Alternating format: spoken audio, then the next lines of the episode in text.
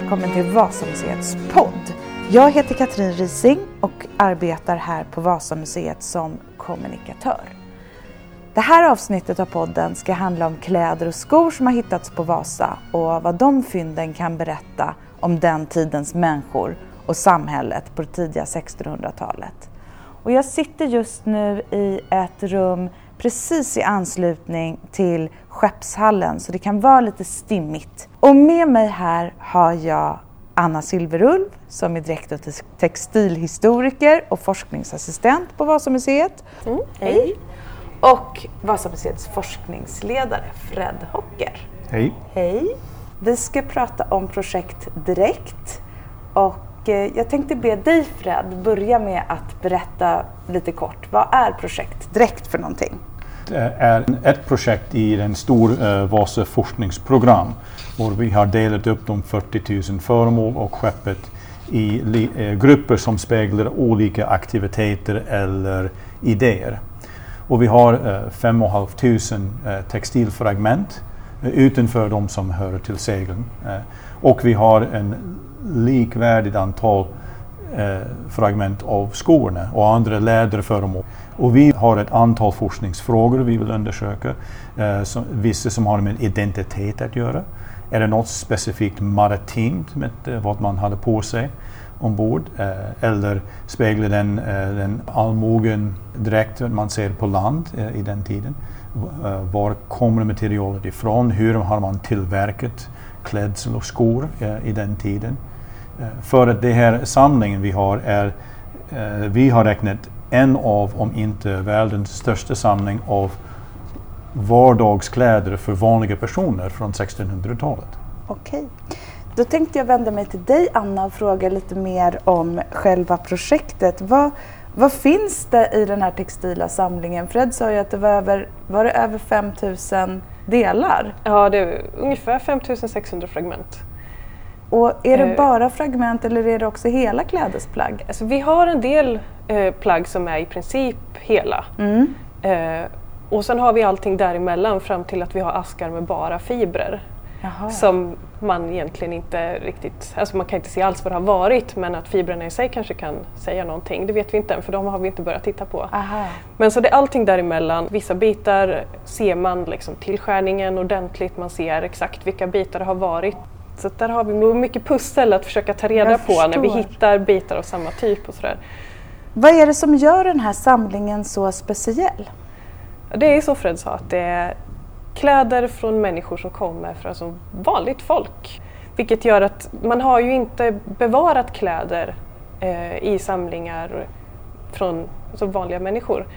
Utan det som finns bevarat på museer idag det är ju från högadel och från de kungliga. Så att vi vet väldigt lite om hur vanligt folk klädde sig egentligen på den här tiden. Och, och vad va, va vet vi hittills då? Oj. Um, hur såg modet ut för vanligt folk till exempel? Går det att säga någonting om det? Lite grann går det att säga. Det finns ju, det finns ju porträtt och sådär också, ja. även från, alltså holländska porträtt mycket från eh, 1600-talet. Och en del bevarade plagg har vi ju här. Så att, eh, det vi kan säga är ju att man, man hade Eh, man hade korta byxor om man var man, mm. knäbyxor eh, och en tröja.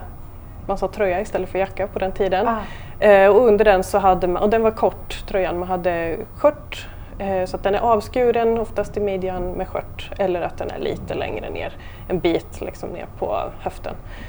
Eh, och det är också lite där modet, vi ser, det vi ser i vårt material här är att det finns en brytpunkt Aha. här någonstans eh, mellan 1500-talets kortare tröjor och så kommer det läng lite längre tröjor på 1600-talet och vi ser i det material vi har hunnit gå igenom att vi har lite både och här. Aha. Vilket ska bli väldigt spännande att se vad, vad det så. ger när vi får lite mer koll på bitarna så att säga. Vet vi eh, någonting om vem som har tillverkat kläderna? Eh, inte egentligen i det här materialet än. Vi hoppas kunna ta reda på det. Vi tittar ju på dels materialen i sig, mm. vad är det för tyger, hur är de vävda, hur är trådarna i tygerna spunna och så att så mycket, försöker ta reda på så mycket som möjligt från fiber ända fram till liksom färdigt plagg. Så när vi har tittat på väven så tittar vi sen på sömmar, tillskärning, stygnglängder, så mycket som vi kan ta reda på. Och, och det kan ju säga någonting då om, om det är hemproducerat ja. beroende på kvaliteten, vad är det för mm. efterbehandlingar till exempel. Kan du berätta lite om de ändå hela kläder som har hittats på Vasa? Vad kan vi säga om dem? Vad, hur, mycket, hur många sådana plagg finns det? Oj, hur många sådana? Vi har ju en jacka i utställningen, ja. eller tröja då, eh, som väl har blivit kallad för Jerkjackan. Varför vet jag inte riktigt. Men, eh, den är ju i princip hel och den är ju ihopsydd eh, och visas hel. Mm. Övriga plagg som vi har är ju bitar. Mm. Men de eh, plagg som bars av människorna som omkom ombord, hur hela var de? Nu är jag osäker, det måste jag fråga dig. Uh, nästan alla skeletter hittade ombord hade fragment av deras direkt med. Ja. Uh, ibland var de mer eller mindre intakt. Uh, skelettet som vi kallar för Helge, han, hade, han låg på sidan och han hade fortfarande skor och strumpor på, byxor och jackan och så. Det, han var påklädd mm. och så, såg ut som en person. Mm. Men vi har andra som är bara fragment som man hittade i närheten. en av de väldigt spännande saker vi gör är att se om, om vi samlar upp alla textilfragment som var hittat i närheten av ett skelett, faktiskt bygger de en klänning. En, en, ser man jackan eller tröjan eller byxorna i, kan vi samla ihop uh, tillräckligt med fragment. Och det är vad uh, en stor del av vad uh, Anna har gjort.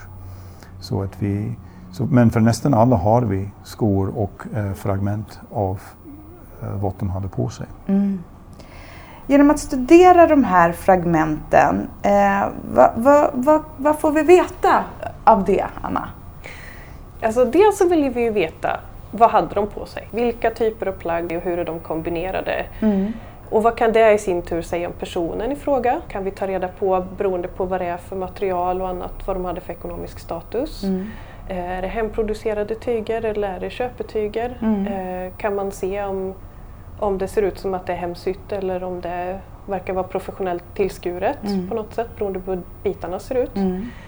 Eh, det kan ju ge lite mer personlig information till de här eh, personerna som där skeletten finns kvar. Liksom. Kan, från skeletten kan vi ju inte se om en person var kraftig eller väldigt smal eller så men storleken på kläderna om man har tillräckligt mycket kan ju faktiskt tala om måtten och storleken på en person. Så det kan ge sån information. Det kan ju ge information huruvida det fanns någon typ av klädkod inom eh, alltså marinen eller om det var så att man hade de kläder som vanligt folk hade som inte var till sjöss så att säga. Om det finns skillnader och likheter där. Mm. Och det är någonting som vi är väldigt nyfikna på, om man kan ta reda på där. Vi har en annan möjlighet för fund, eh, textilfund som vi hittar i kistor eller tunnor. Och det är, det är väldigt eh, sällan när vi hittar bara textilfund mm. i den. Vi hittar flera andra typ fund. Ah. Eh, skor, eh, eh, skoplagg, vax, sytråd, andra personliga tillhörigheter mm. som ger oss en idé om den personens identitet, även om vi har inte skelettet själv. Uh, vi har uh, en, en tunna som har uh, klädselfragment i, skorfragment, men har också två, ett lundstake. En, Vad är en lundstake? Ett handtag. Jaha. Ett, man använder för att fyra en kanon. Man måste stå lite lång, längre bort från kanonen så man har lundstake, en lundstake mm. för att hålla lunten och glöden vid arms längd. Aha. Och det betyder att eh, ägaren var en, eh, en eh, konstapel eller bysseskyttare. En av de som hade ansvar för skeppets kanoner. Och, och så har, kan vi koppla en yrke ibland till klädsel. Får jag fråga en sak också om kistorna? Eh, är det, var det så att varje person ombord på Vasa hade med sig sin egen kista med egna personliga tillhörigheter? Ja och nej. Eh, vi har eh, flera kistor som har eh, eh ett fyndmaterial i kisten har en karaktär eh, som är kan man säga enhetlig. Och det, det, det, ser ut som det är alla saker som hör till en person. Mm. Vi har andra kistor som har saker som tyder på att det är flera personer som har delat kistan. Mm. Eh, så det är extra föremål, fler, fler sked till exempel av olika typer. Mm. Och det kan vara att en person kom ombord var så fattig han hade ingen annat än vad han hade på sig så han behövde ingen, ingen kista. Jag förstår. Men jag, jag kan inte låta bli att tänka på att det låter så helt otroligt att så mycket kan ha bevarats så väl efter över 300 år i vattnet. Hur, hur har det gått till egentligen? Bevarandemiljön nere på botten är ju väldigt bra för den här typen av material. Vi har ju till och med kvar växtfibermaterial som vi trodde skulle inte finnas nästan någonting men som faktiskt har överlevt. Det mesta vi har är ju ull ja. av textilierna mm. och det klarar sig väldigt bra i den här miljön. Textil som kommer från eh, djur, det vill säga ull eller siden, mm. de bevaras mycket bättre under vattnet i allmänhet än textil som kommer från växter, mm. linne eller hampa. Eller mm. Men det är, det är, en död miljö. Det är ingen syrgas på botten. Ingenting växer där och så det är ingenting som, kan äta, som kommer att äta upp materialet. Vi har ingen bomull, vi jobbar med uh, Men ibland om man har, om materialet är stängt eller eh, täckt över väldigt snabbt av läran eller bottendynen som utesluter all syre så kan även väldigt känsligt material bevaras. Vi har inte bara eh, växtfiber, eh, linne eller hampa, vi har de segel som finns till, till exempel. Men vi har eh, även hittat eh, i en låda eh, en bit papper mm. som var använt för att styva kragen mm. till något Precis. eller något liknande. Jaha, det är helt fantastiskt. Så det, det, jag hade aldrig förväntat mig att hitta någon pappersföremål ombord på Vasen. Men eh, nu så nämnde du lite olika material som eh, fanns. Siden och ull som då kommer från djurriket mm. och sedan så linne, lin och hampa från växtriket. Är det ja. de materialen som vi ser i den textila samlingen eller finns det fler? Det är väl det vi ser. Ja. Och det är ganska svårt att se skillnad på lin och hampa om man inte gör specifika tester i mikroskop och den typen av mikroskop har vi inte här. Eh, senare års forskning visar att hampa har varit använd i mycket högre utsträckning än vad man tidigare trott. Aha, okay. Eh, och det skulle mycket väl kunna vara humle också för det har man också börjat se Jaha. att det faktiskt används. Eh, jag är osäker på hur mycket man använder det vid den här tiden men det är också vanligare än vad vi har trott förut. Men annars är det ju mest ull och vi har lite siden kvar. Det låter ju väldigt svårt det här. Hur svårt är arbetet? Vad är de största utmaningarna för dig Anna? Det är nog att försöka pussla ihop, att se vilka tyger eh, som är, alltså vilka fragment som är av samma tyg ja. och försöka pussla ihop dem och hitta så många bitar som möjligt för att sen kunna se och tolka vad har det här varit? För ja. vissa fragment är ju väldigt skadade. Ja. Och att försöka hitta de små delarna som finns av kanske en söm eller en tillskuren kant som har en speciell vinkel eller så vidare och försöka då tolka dem och se vart passar de här in i den här typen av plagg som finns för den här tiden och försöka se hur man då kan ta reda på, går att ta reda på vad det här har varit. Eh, och jag har ju jobbat jättemycket nu med en tröja som Beata har haft. Och där är det många små bitar och vi hittar bitar som är på många olika håll. Eh, de ligger inte alla på samma ställe utan vi tittar på olika eh, fyndkontextgrupper bredvid varandra för att liksom se att de här bitarna har flyttit iväg. Så att hitta dem, para ihop dem och sen se hur har det här sett ut. Mm. Det är nog största utmaningen tror jag. Och Beata är ju alltså en kvinna som vi kallar för Beata på Vasamuseet som Precis. är ett, ett av de skeletten som hittades. En av de personer som omkom mm. ombord och vars skelett vi har hittat. Och eh, lär, håll, håller du nu på att lära dig någonting nytt om Beata tack vare det här arbetet? Alltså, vi vet ju väldigt lite generellt om kvinnornas klädsel vid den här mm. tiden, ännu mindre än om männens egentligen.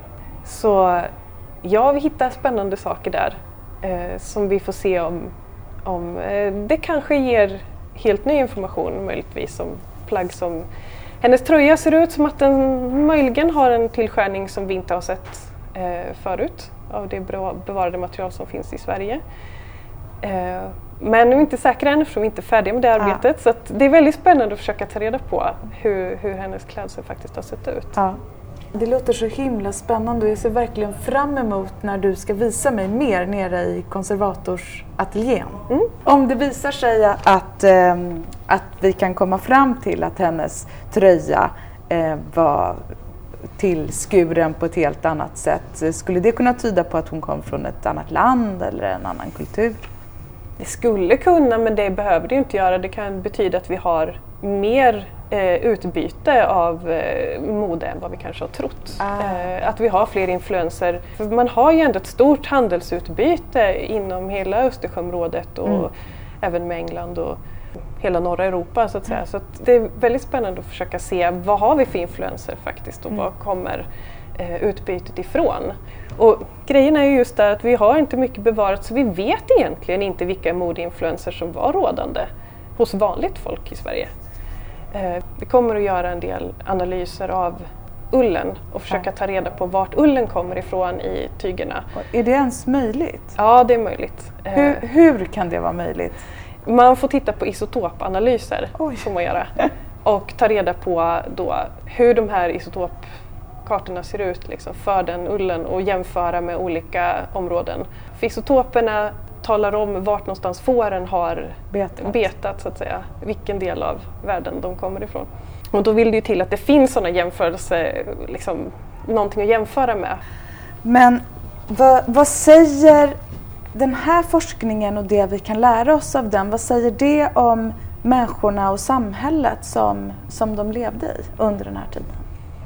Ja, alltså det kan ju säga ganska mycket om vad har vi för handelsutbyten till exempel. Mm. Och siden till exempel är ju ingenting som produceras här, det är ju importvara från Asien. Mm.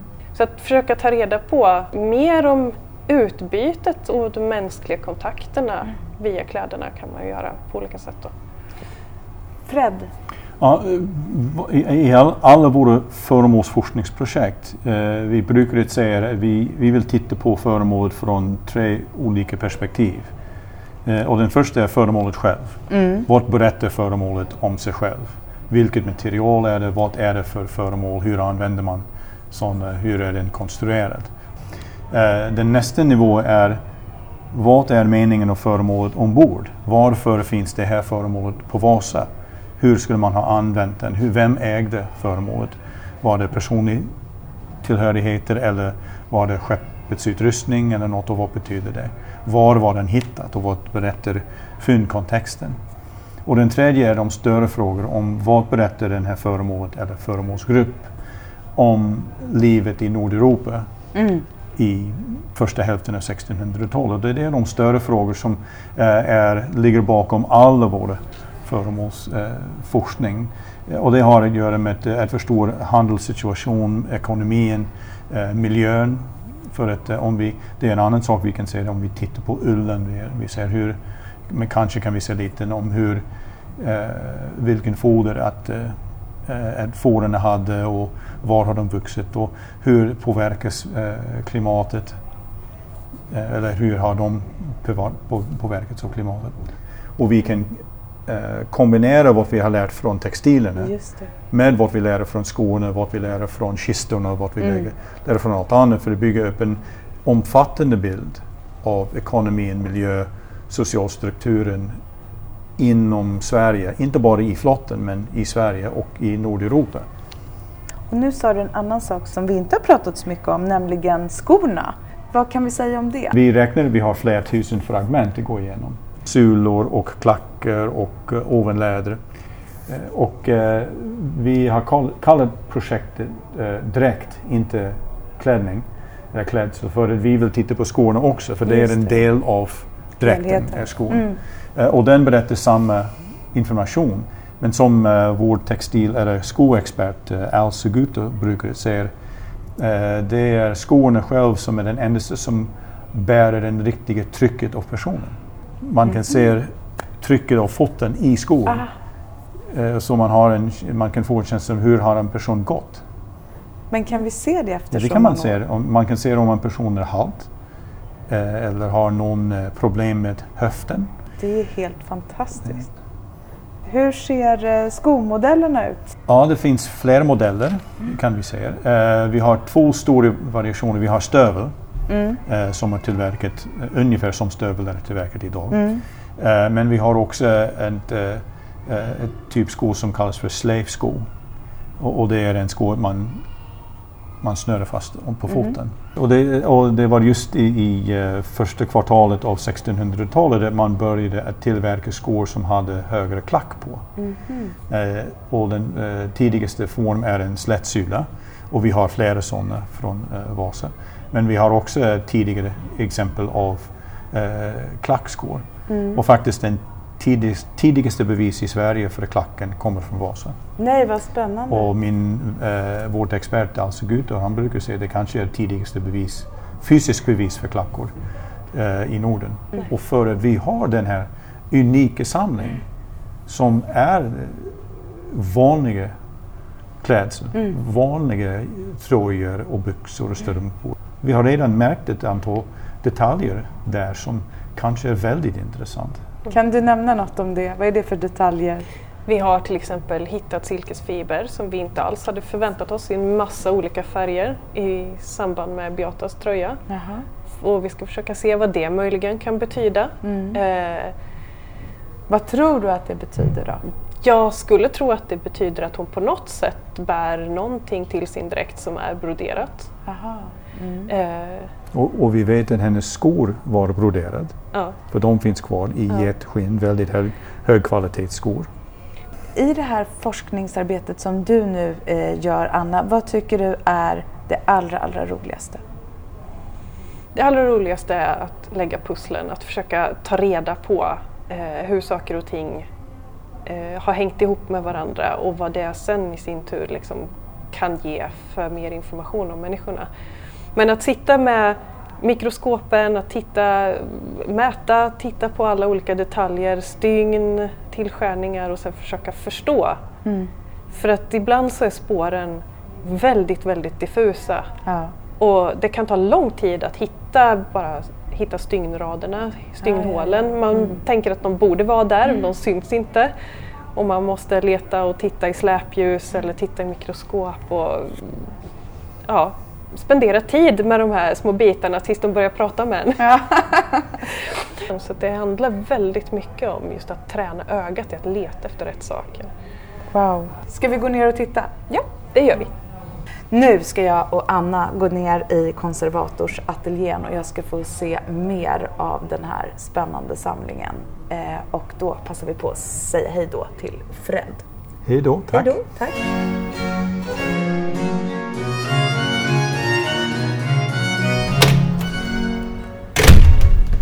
Ja, här ska du få se några av de textilfragment som vi har som kommer från Beatas tröja och som vi har här i de här fyra askarna. Vad är det vi tittar på nu? Nu tittar vi på Beatas ryggstycke. Men det här ser inte. väldigt helt ut. Mm, det gör Ena det. kanten är det mm. som jag Ja, alltså, det man kan se på den här, den här har ju legat i utställningen länge. Har den? Som en ärm. Men du vet att det inte är en ärm utan ett ryggstycke? Men det är inte en ärm, utan när vi väl fick ge ut den här från montern och fick lägga ut den så såg vi på tillskärningen att nej, så här ser inte en ärm ut. Men ser det inte väldigt litet ut för att vara ett ryggstycke? Eller mm. var den här personen väldigt liten? Alltså det som är på den här tiden med den här typen av tröjor, det är att du har inte sidsömmar. Nej. Utan du har Eh, på den här typen av tröjor så har du sidostycken ja. och så har du framstycken. Då måste jag mm. fråga om färgen. Mm. Eh, vad säger du att det här har varit för färg från början? Det är jättesvårt att veta eh, eftersom när det ligger i de här förhållandena på havsbotten så förändras ju färgerna. Ja.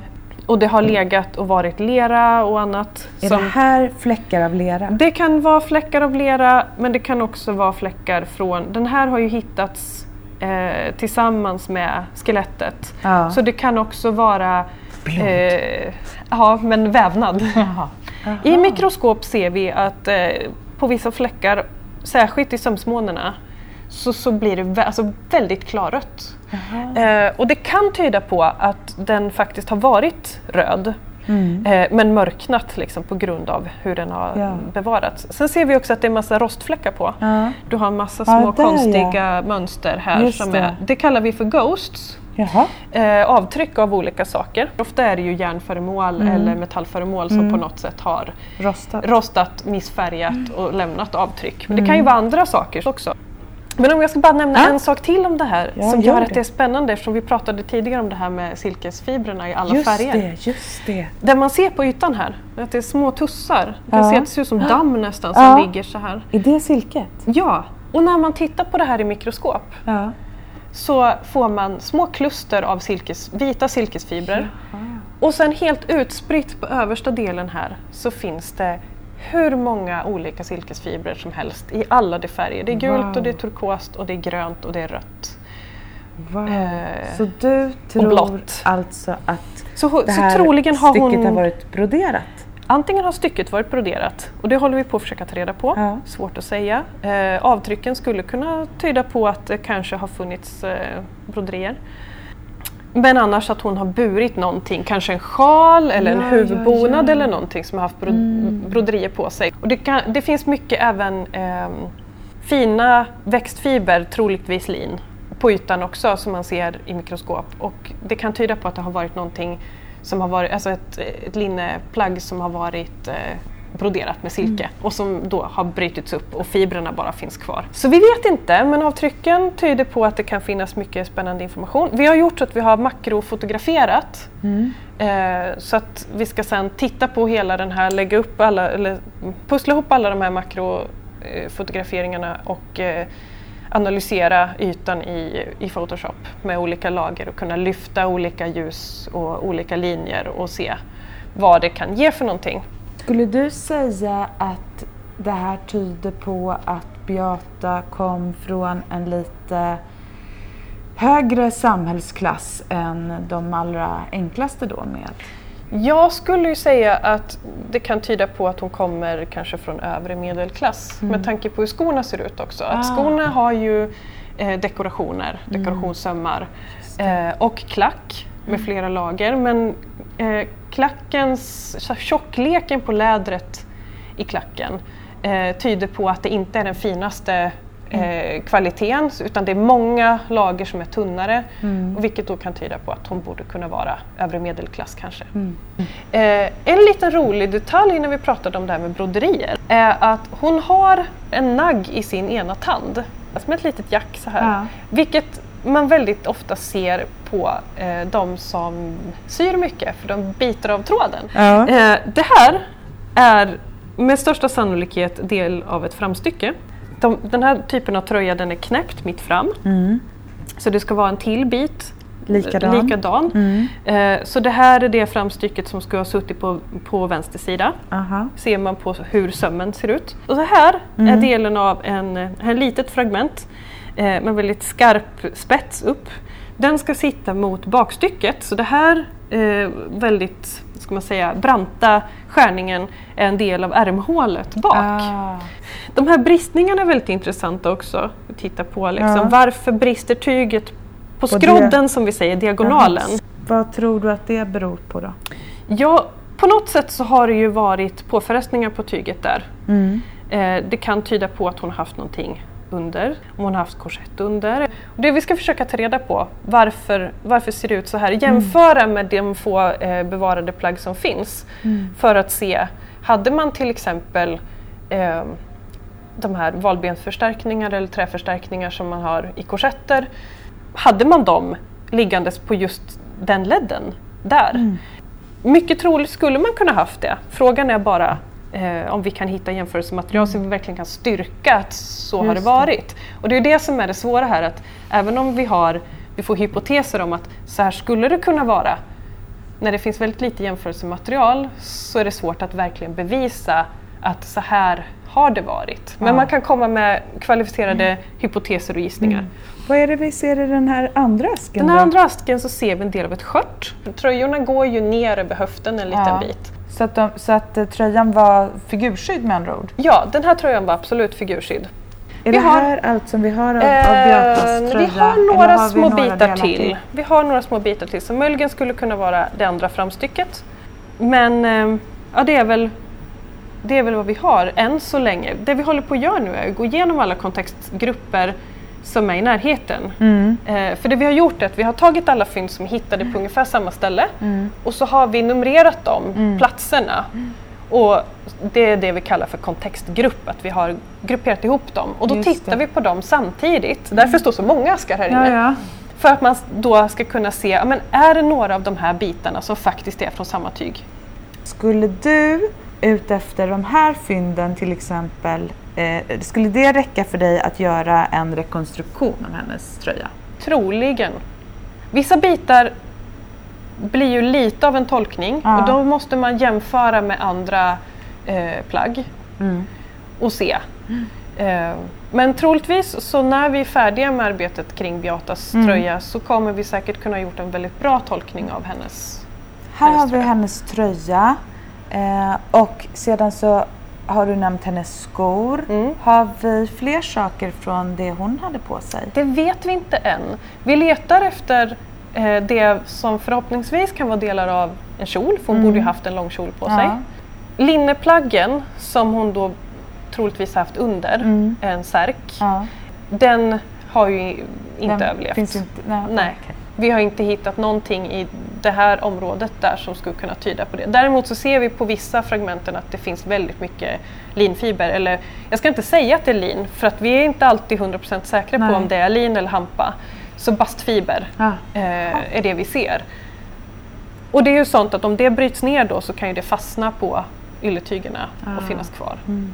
Det här är verkligen jättespännande. Det är som att titta rakt ner i 1600-talet. Ja, och man kommer personerna så nära in på livet.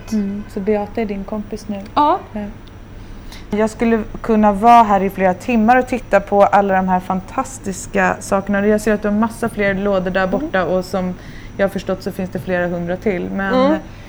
det börjar bli dags att eh, avsluta. Vi får eh, återkomma och det ska bli jättespännande att se vad det blir, vad du får fram av Beatas kläder och allt annat. ja, Tack så hemskt mycket Anna. tack för att jag fick prata om det här. Tack. Vi ses. Det gör vi. Hej då. Hej då!